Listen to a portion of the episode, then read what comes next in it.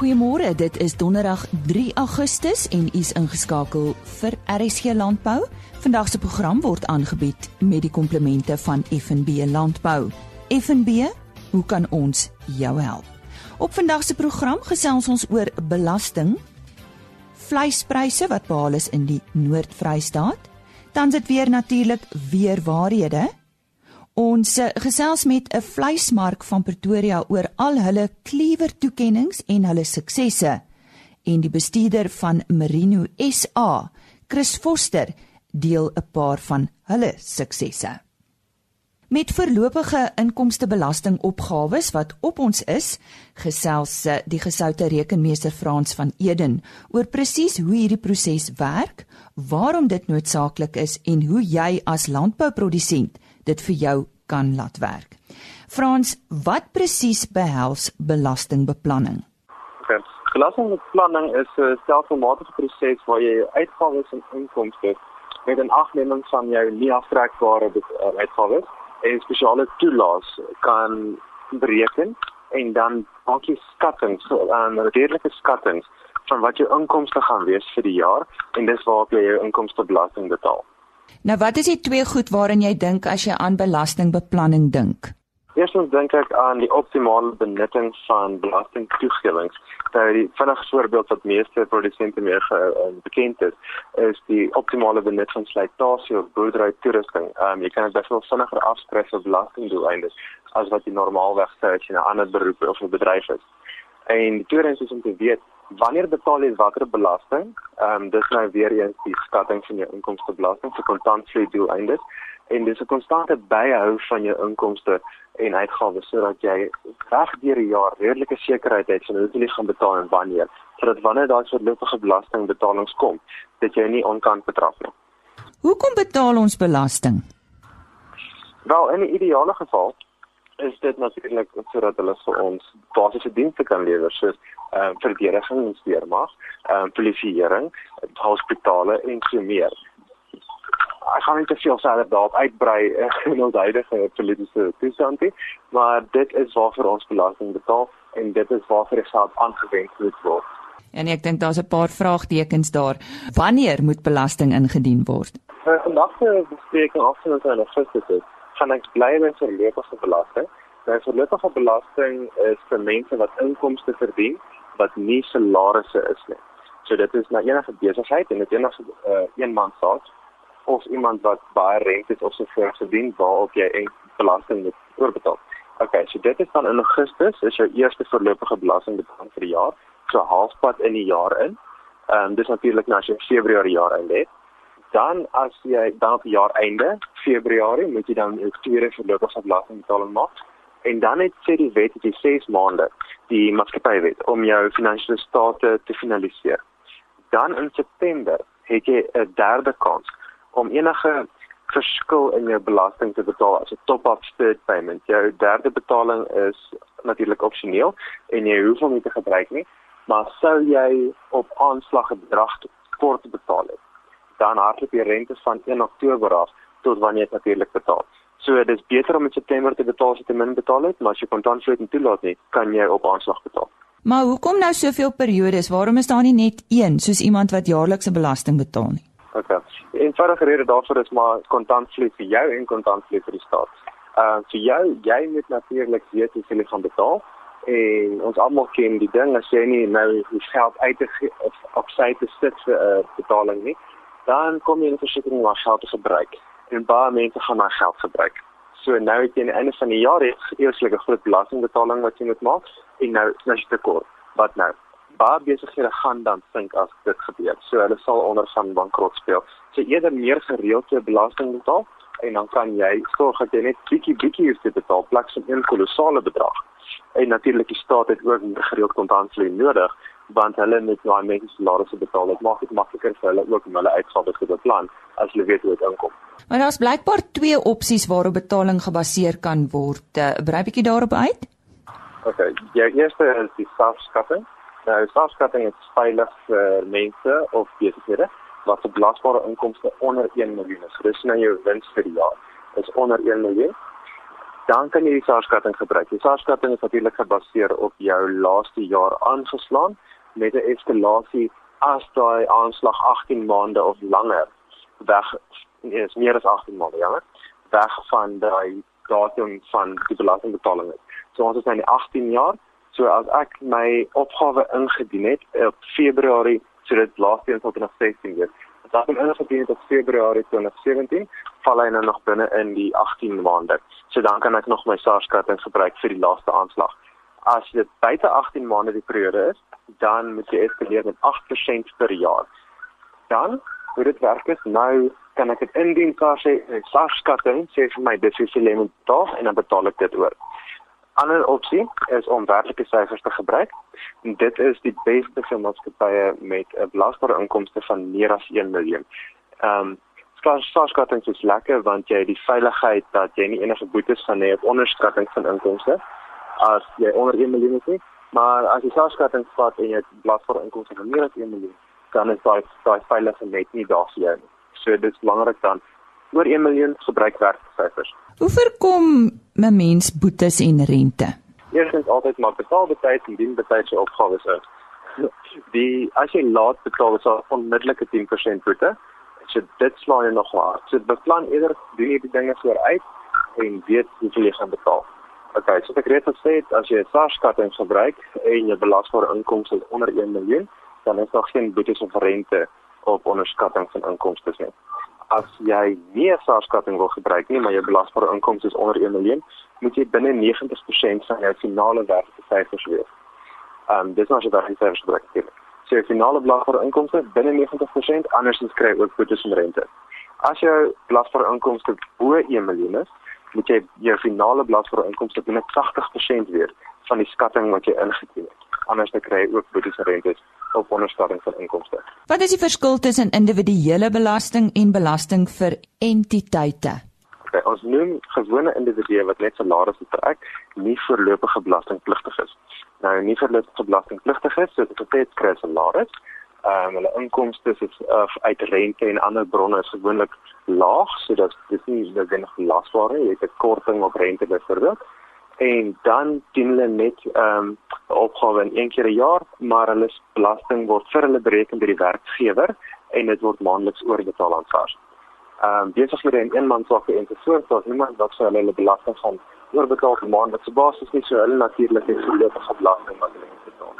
Ehm um, as jy 'n salarisstrekker is en jy val natuurlik binne die vereistes van die wet vir voorlopige belastingpligtige, moet jy nog steeds ook dan twee keer 'n jaar 'n voorlopige belastingopgave indien dit sal 'n geval wees waar jou rente byvoorbeeld meer is as die korting wat jy vir die jaar verdien.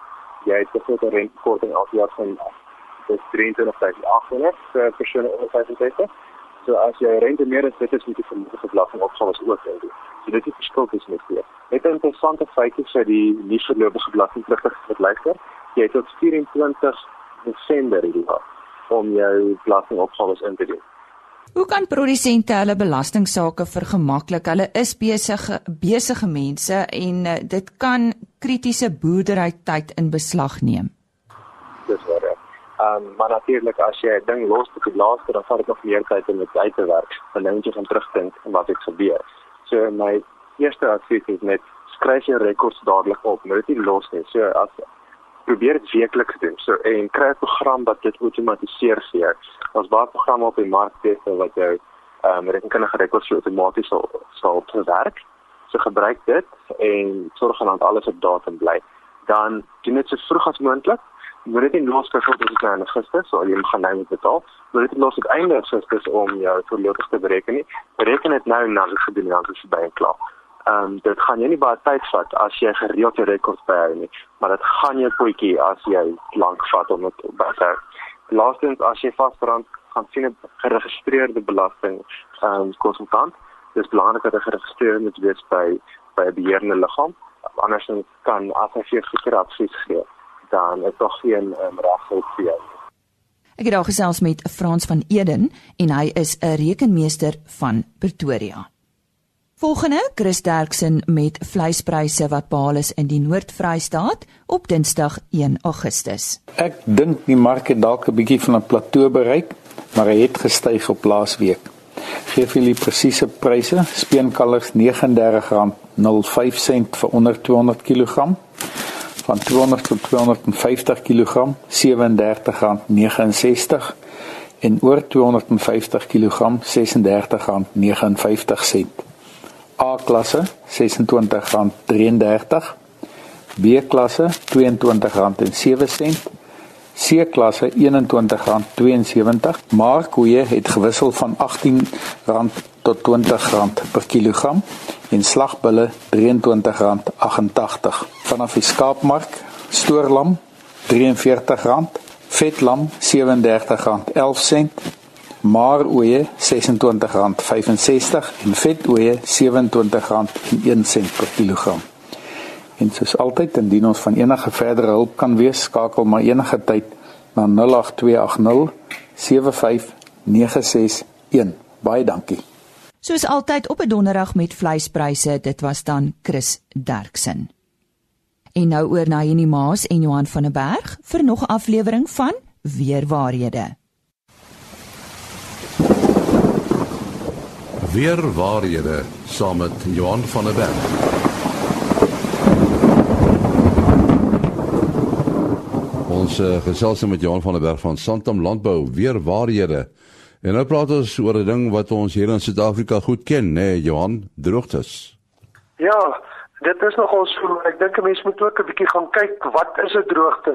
En almal dink is net as daar min reën voorkom en nie noodwendig nie. So daar is 'n paar definisies vir droogte.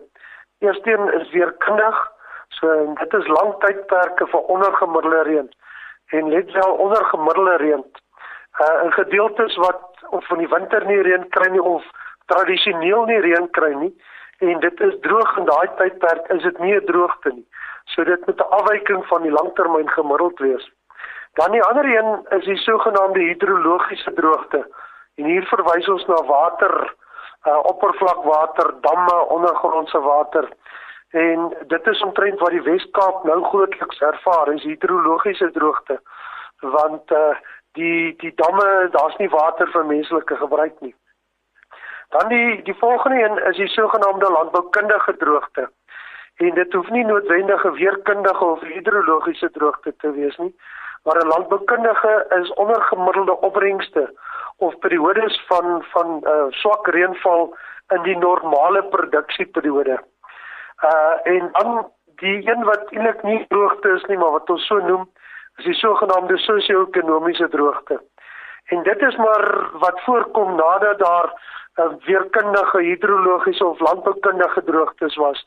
So dit vat nog altyd na reën voordat die produsent of die boere weer uh kan voorkom en ons noem hierdie dele sosio-ekonomiese droogte. So die effek van van werklike droogte op die inkomste van boere.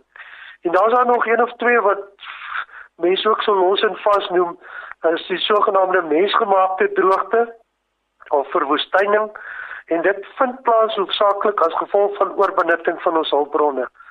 In so 'n geval verander ons plantsamestelling en ons die oppervlakte van ons plase verander as gevolg van oorbenutting uh of as gevolg van verspoeling of windwaai. So dit is die tipes van droogtes of definisies wat 'n mens het. Die ander belangrike ding is uh wanneer begin 'n droogte? En niemand weet eintlik wanneer begin 'n droogte nie. Daar's geen duidelike beginpunt nie. Dis 'n omsaal is 'n sameloop van omstandighede oor tyd en 'n mens kan in retrospeksie sê maar dit het nou droog geword. Uh hier is nou 'n droogte, maar ons weet nie regtig wanneer begin 'n droogte nie en 'n droogte begin op op verskillende tye vir verskillende produsente of vir verskillende mense afhangende van sy eie situasie. Uh die lengte van droogtes verskil ook. Uh ons het gesien dat uh byvoorbeeld in die oostelike gedeeltes van die land wat meer ons hoë reënvalgebiede is, uh is 'n lang droogte waarskynlik omtrent 2 jaar. Terwyl as 'n mens hier na die sentraal maar veral westelike dele van die land toe gaan, dan kan 'n mens praat van 3 tot 5 jaar droogtes. En interessant as 'n mens na die Weskaap gaan kyk, is daar droogtes wat tot 8 jaar aanhou. Daar in die 90er jare was so een uh en en dit is inherënt deel van die klimaat van 'n gebied. Die ander is wanneer word 'n droogte gebreek, net soos wat ons uh nie weet wanneer 'n droogte voorkom of begin nie, uh word 'n droogte gebreek.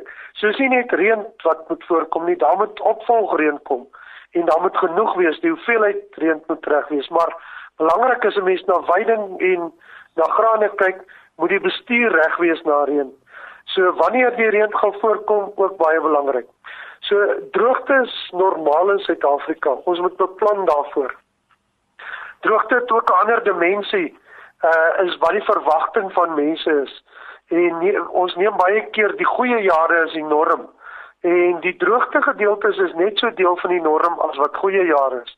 En ons beplan nie altyd daarvolgens nie. Uh en ons neem dit nie in ag nie. So droogte bestuur, uh ons kan eintlik min doen as die droogte reeds daar is bestuur van droogte begin in goeie jare. So wat kan ons doen? Ons moet monitor die beskikbare veiding uh teenoor die aantal diere wat ons aanhou of as ons na water kyk, die hoeveelheid water teenoor die verbruik. So dis baie belangrik dat ons op 'n gereelde grondslag uh monitor en ons teen 'n norm gaan uh pas en sê maar as dit in die volgende maand of 2 nie gaan reën nie, wat gaan die situasie wees? of as dit vir die winter as ons praat van uh hier Februarie en Maart as dit swak veiding of swak reën voorgekom het dan is ons amper doodseker dat daar 'n droogte gaan wees vir die res van die winter en die eerste deel van die somer. So baie belangrik dat ons uh, net dit in gedagte hou dat droogte reël van die norm is en nie 'n uitsondering nie. Baie dankie Johan van der Berg van Santam Landbou. En onthou weer waarhede word elke donderdagoggend op RSG Landbou uitgesaai. Met 'n hele paar kliewer toekenninge in die sakkie is daar duidelike ding of twee te leer by die Boma vleismark in Pretoria. Nou hulle is daar in Moreletta Park geleë en uh, hulle het intussen ook uitgebrei sedert uh, ons uh, laas met hulle gesels het. Die eienaar Hendrik Steenkamp is ver oggend hier by ons in die ateljee om oor hulle suksesse die bedryf en ander vleiskwessies te gesels. Hendrik, lekker om weer, ek dink ons het so 2 of 3 jaar laas met jou gesels. Lekker om weer vanoggend jou in die ateljee te hê. Ja, baie dankie, dis my voorreg. Skets vir ons bietjie die geskiedenis van Boma, want jy's nie eintlik 'n slagter nie, jy's eintlik 'n besigheidsman. Inderdaad, ja. Ek het 'n klompie jare terug, dis al 23 jaar gelede, het ek en my broer uh die stap geneem en in die vleisbedryf ingespring. En aanvanklik was dit 'n bietjie domme strand geweest, maar uh ons het maar vasgebyt en geglo ons het uh gaan 'n sukses maak. Ons het baie vasgehou aan aan uh uh uh kwaliteit. Ons het die plek probeer opgradeer, maar ons het gekyk na die plek uit 'n uh, baie meer soos 'n verbruiker. Ons ons praat nou vanoggend met jou oor julle suksesse en die toekenninge wat julle ontvang het. Vertel ons bietjie daarvan en waarom dink jy vaar julle so goed? Ek het van kleins af 'n besonderse affiniteit vir kwaliteit gehad, of dit nou 'n kwaliteit tang is en of 'n kwaliteit mes. Kwaliteit het my uh, gefassineer en ek het gehou daarvan as 'n persoonlike ding. En ek het dit maar toegepas in die in die uh, vleisbedryf ook. Ek het vasgehou daaraan. En as ons sê kwaliteit is nie net kwaliteit van die produk nie, is kwaliteit van diens, is kwaliteit van higiëne. Dis 'n dis 'n dit is ek sien dit as baie breër. En en ons het ons het eenvoudig daaraan vasgehou die verbruikersmark, die huidige verbruikersmark, ondervind julle dat verbruikers se behoeftes verander soos pryse ook verander? Ek dink nie die behoeftes verander nie. Ek dink die manier hoe hulle probeer om hulle behoeftes te voldoen verander. So hy sal op 'n tyd as vleis, braaivleis baie duur is, sal hy minder braai of hy sal iets goedkoper probeer probeer braai. Maar sodra die prys weer binne sy begroting pas, is hy maar terug op sy behoeftes. So ek dink hy maak aanpassings in hoe hy sy behoeftes probeer bevredig. Mm -hmm brei bietjie uit oor oor higiëne. Jy het nou so bietjie vroeër daaroor gepraat en dit is tog iets wat 'n verskil maak. Absoluut, absoluut. Ehm um, mense kan mense kan nou dink aan wat die wetgewing is, maar ek dink ons probeer meer as dit doen. Uh in kort nê, nee, as jy in 'n plek 'n bedompe gereek kry, jou neus lieg nie vir jou nie. En dis wat die verbruiker ervaar. Hy kyk na ordelikheid, hy kyk na skoonheid, hy hy kyk maar 'n reuk in 'n slaghuis is is is 'n groot ding. En dit is uh dit is waarna ons kyk. Higiëne moet net moet net goed wees. Julle dienslewering en die vriendelikheid van julle personeel. Wat doen julle wat dit betref? Waar lê weer eens daai geheim van julle? Daai is 'n baie moeilike een en dis 'n moeilike een om volhoubaar te wees. Um die Engelse woord consistency is 'n uh, is is miskien meer meer meer beskrywend, maar jy moet die regte mense soek, maar as jy hulle gekry het, moet jy hulle probeer behou en moet hulle oplei en voortdurend oplei en opgelei hou. Mm. En wat van vergoeding? Dis maar seker ook dit loop hand aan hand. Dit ja. loop hand aan hand, ja. Ja, ja. ja. Wat wat is julle spesialiteit wat mense maak terugkom en weer terugkom? Ek dink ons probeer luister na ons kliënte, ons klandisie, ons luister na wat hulle wil hê, ons probeer dit aanspreek, maar ons probeer kommunikeer. Ons probeer 'n platform op ons vloere hê. Ons probeer toeganklik wees vir hulle. Laat daar 'n oor is as iemand iets wil weet, luister na hom en praat met hom en volg dit op. Uh hy moet 'n oor hê om om Ek wil net vir die luisteraars ook verduidelik dat julle is nie 'n slaghuis in die tradisionele sin van die woord nie. Julle is 'n vleismark. Wat is die verskil? Dis 'n dis 'n punt wat ons nogal baie oor gepraat het in die verlede en uh, ek dink 'n vleismark is 'n baie groter begrip, 'n groter mandjie wat 'n mens kan bied. 'n Tradisionele slaghuis in 'n groot mate vandag bestaan baie minder en minder en minder. Uh ons het baie meer om te bied. Ons werk in die rigting van 'n een-stop winkel. Ons het al melk, ons het al brood, ons het al selfs wyn in ons plekke. Uh, jy kan inkom en jy kan 'n uh, groot klomp van jou benodighede net daar kry wat maak dat jy uh, jou roete kan korter maak op pad huis toe. Hoekom het jy uitgebrei? Om hierdie selfde rede, ons het ons produkreeks vergroot. Uh, ons het byvoorbeeld die laaste tyd baie sterk in beweeg in in uh die Engelse naam HMR home meal replacements gaar kosse maar gaar goeie kosse goeie gehalte kosse nie nie vinnige kos wat net vol sout en uh, gesonde kos wat jy vir jou huisgesin kan gee. Mm. Uh, dis onder andere behoeftes wat ons geïdentifiseer het en ons is daar in 'n tipe van 'n nismark om ek dit op die perseel maak. Die mense staan en kyk hoe vars dit is. Die ding kom nie met 'n lang pad van elders af nie. Uh daai varsheid en ons het ons so ingewurm daar in 'n nismark. En die die mark vir wildsvleis, ehm um, is dit is dit regtig daar? Word dit nie bietjie onderskat nie? Ek dink daar's 'n uh, die die mark wat ek sien in wildsvleis groei, maar 'n geweldige groot hoeveelheid mense jag self uh en daai vleis gaan direk na sy vrieskas toe en dit gaan nie noodwendig uh deur 'n handelaar nie. Of miskien 'n handelaar ons as handelaar sal die wild vir hom verwerk maar ek verkoop dit nie. Ons het uh, in terme van verkope Ehm um, is dit nog 'n mark wat wat daar baie potensiaal dink ek in lê, maar die publiek moet nog geleer word. Uh die jonger geslag weet nie om wildgaar te maak nie. So 'n groot deel van die wildmark lê beperk tot uh biltong en droewors. Hmm. En dan dan miskien 'n lekker boerewors, 'n wildsboerewors of wildsbraaivors. Hmm. Maar uh wildsnitte wat gekook word, daai mark is nog klein en en daar het ongelukkig dink ek uh met die werkende ma het het het daar uh 'n uh, kennisbasis 'n bietjie verlore gegaan hoe om wild lekker gaar te maak. So daar lê opvoedingstaak. Definitief. Mm. Definitief. Kom ons eindig vandag se gesprek met jou oor oor julle toekennings ehm um, Hendrik, mense wil nie altyd oor jouself praat nie. Maar ja, die Cleaver toekennings is vir julle 'n 'n baie belangrike toekenning en julle C4 maar elke jaar. Hoeveel het julle al gekry? ons het die ons het die laaste 7 jaar ehm um, uh nasionaal 4 jaar in 'n ry nasionaal eerste gekom en die laaste 3 jaar nasionaal tweede wat ons goud toekenninge gehad het. Ons het dit is vir ons 'n baie belangrike aspek en en ek dink die Cleaver toekenninge is die die enigste gesaghebende kompetisie waar 'n slaghuis eintlik homself in kan bewys. En ons is baie trots daaraan. Ons werk baie hard daaraan. Uh en uh dit is so, dit is maar hoe ons dit sien. En die Cleaver toekenninge is jou kliënt wat vir jou stem, is ek reg? Inderdaad, ja, jy kan jouself nie inskryf nie. Hy stem nie om my te laat wen nie. Die die die die stemmings uh, laat my deelneem. Dit dit dit dit, gee my toelating om deel te neem. Maar dan word ons geaudit en ons het 'n baie lang lys audit wat die rooi vleisbedryf hulle gebruik Symik om die audits vir hulle te doen wat almal gesondheidsinspekteurs is.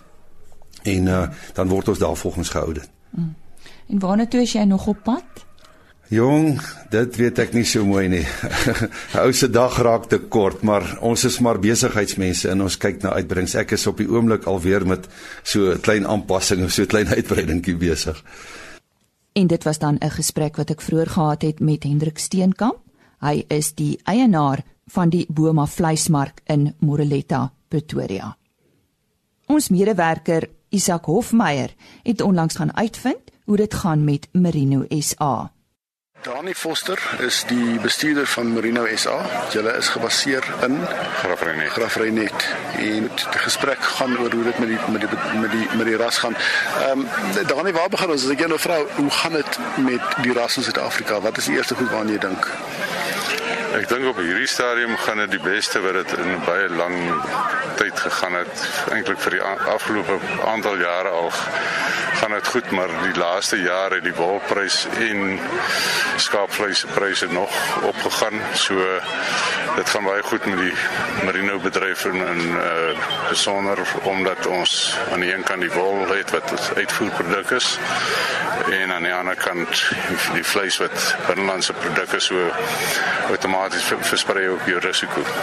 Nou as as ras wat dan nou hierdie hierdie in in wese 'n dubbeldoel uh produksie dier is uh, en merino is gelyk aan wol tog. Hoe balanseer 'n ou die twee wol en vleis? Ek dink is dis uh, nie balanseer nie, dis komplementeer. Uh op hierdie stadium as gevolg van van die vleisprys wat relatief goed is, ons sê altyd uh, merino boer maak omtrent 2/3 van sy inkomste uit uit die vleiskomponent en 'n derde uit wol. Alhoewel merino bekend is as as hoofsaaklike wolskaap omdat hy die beste kwaliteit en gehalte wol het. Uh maar meer van ons inkomste kom uit die uit die vleisfaktor en dit is hoekom die merino boere die afgelope klompie jare baie meer konsentreer op vrugbaarheid, reproduksie en so aan wat wat uh jou uh inkomste dan teenoor inkomste verhoog. In terme van van lede betrokke by julle en dan nou uh die, die kudde, uh, praat 'n bietjie oor statistieke. Ek kan nou net praat van van stoetboere uh, omdat ons nou nie uh betroubare inligting het oor kuddeboere nie, maar ons ledetal bly die afgelope aantal jare redelik konstant so op ongeveer 270 merino stoetboere uh, dwars oor die land. Wat ons wel vind die laaste aantal jare wat merino so goed presteer uh, wat uh, winsgewendheid betref, is daar wel boere van van ander rasse wat of gedeeltelik of heeltemal oorskakel na merino toe. So dit, dit gaan goed met die merino bedryf. Kom ons praat 'n bietjie oor oor rambemarking, die, die ramveilingseisoen. Hoe werk dit by julle? Ons het basies twee veilingsseisoene, so van Januarie tot Maart maand en dan weer van uh einde Julie tot September. So ek kan nou uit die aard van die saak net statistieke gee oor die uh eerste helfte van die jaar se veilings Januarie tot Maart en daar het besonder goed gegaan. Uh ons het so ietsie meer as 2400 ramme verkoop op op uh 40 uh veilings onder beskerming van Merino SA. Uh die gemiddelde prys was R8904 en dit was amper 29% hoër as in 2016. So besondere goeie veilings uh, uh seisoen gewees en uh, ons hoop dit sou voortgesit word in die een wat nou begin in die Julie. Dit was dan Isak Hofmeyer in gesprek met Dani Foster. Hy is die bestuurder van Merino SA. Het jy geweet daar bestaan 'n ding soos 'n skaap-bok kruising? Die sogenaamde geep het ontstaan uit die fusie van 'n bok en skaap embrio. Die prosedure is die eerste keer in 1984 in Australië uitgevoer en in 1985 het navorsers aan Universiteit van California Davis ook sukses behaal met die voortbring van 'n geep. Wanneer daar met gliep geteel word, kan daar of 'n skaap of bok of 'n baster voortgebring word, afhangende van die DNS wat in die reproduksieorgane teenwoordig is. Dis dan fluit fluit ons stories uit vir hierdie week. Onthou, ons sal weer op maandagooggend om 05:30 terug wees met nog RSC landbou nuus. Môreoggend kwart voor 5 weer RSC landbou met Chris Viljoen, so ook kwart voor 12 Saterdagoggend. RC Landbou was hierdie week aangebied met die komplemente van FNB Landbou. FNB, hoe kan ons jou help? Mag u naweek en die res van u week net wonderlik wees. Totsiens. RSG Landbou is 'n produksie van Blast Publishing. Produksieregisseur Henny Maas.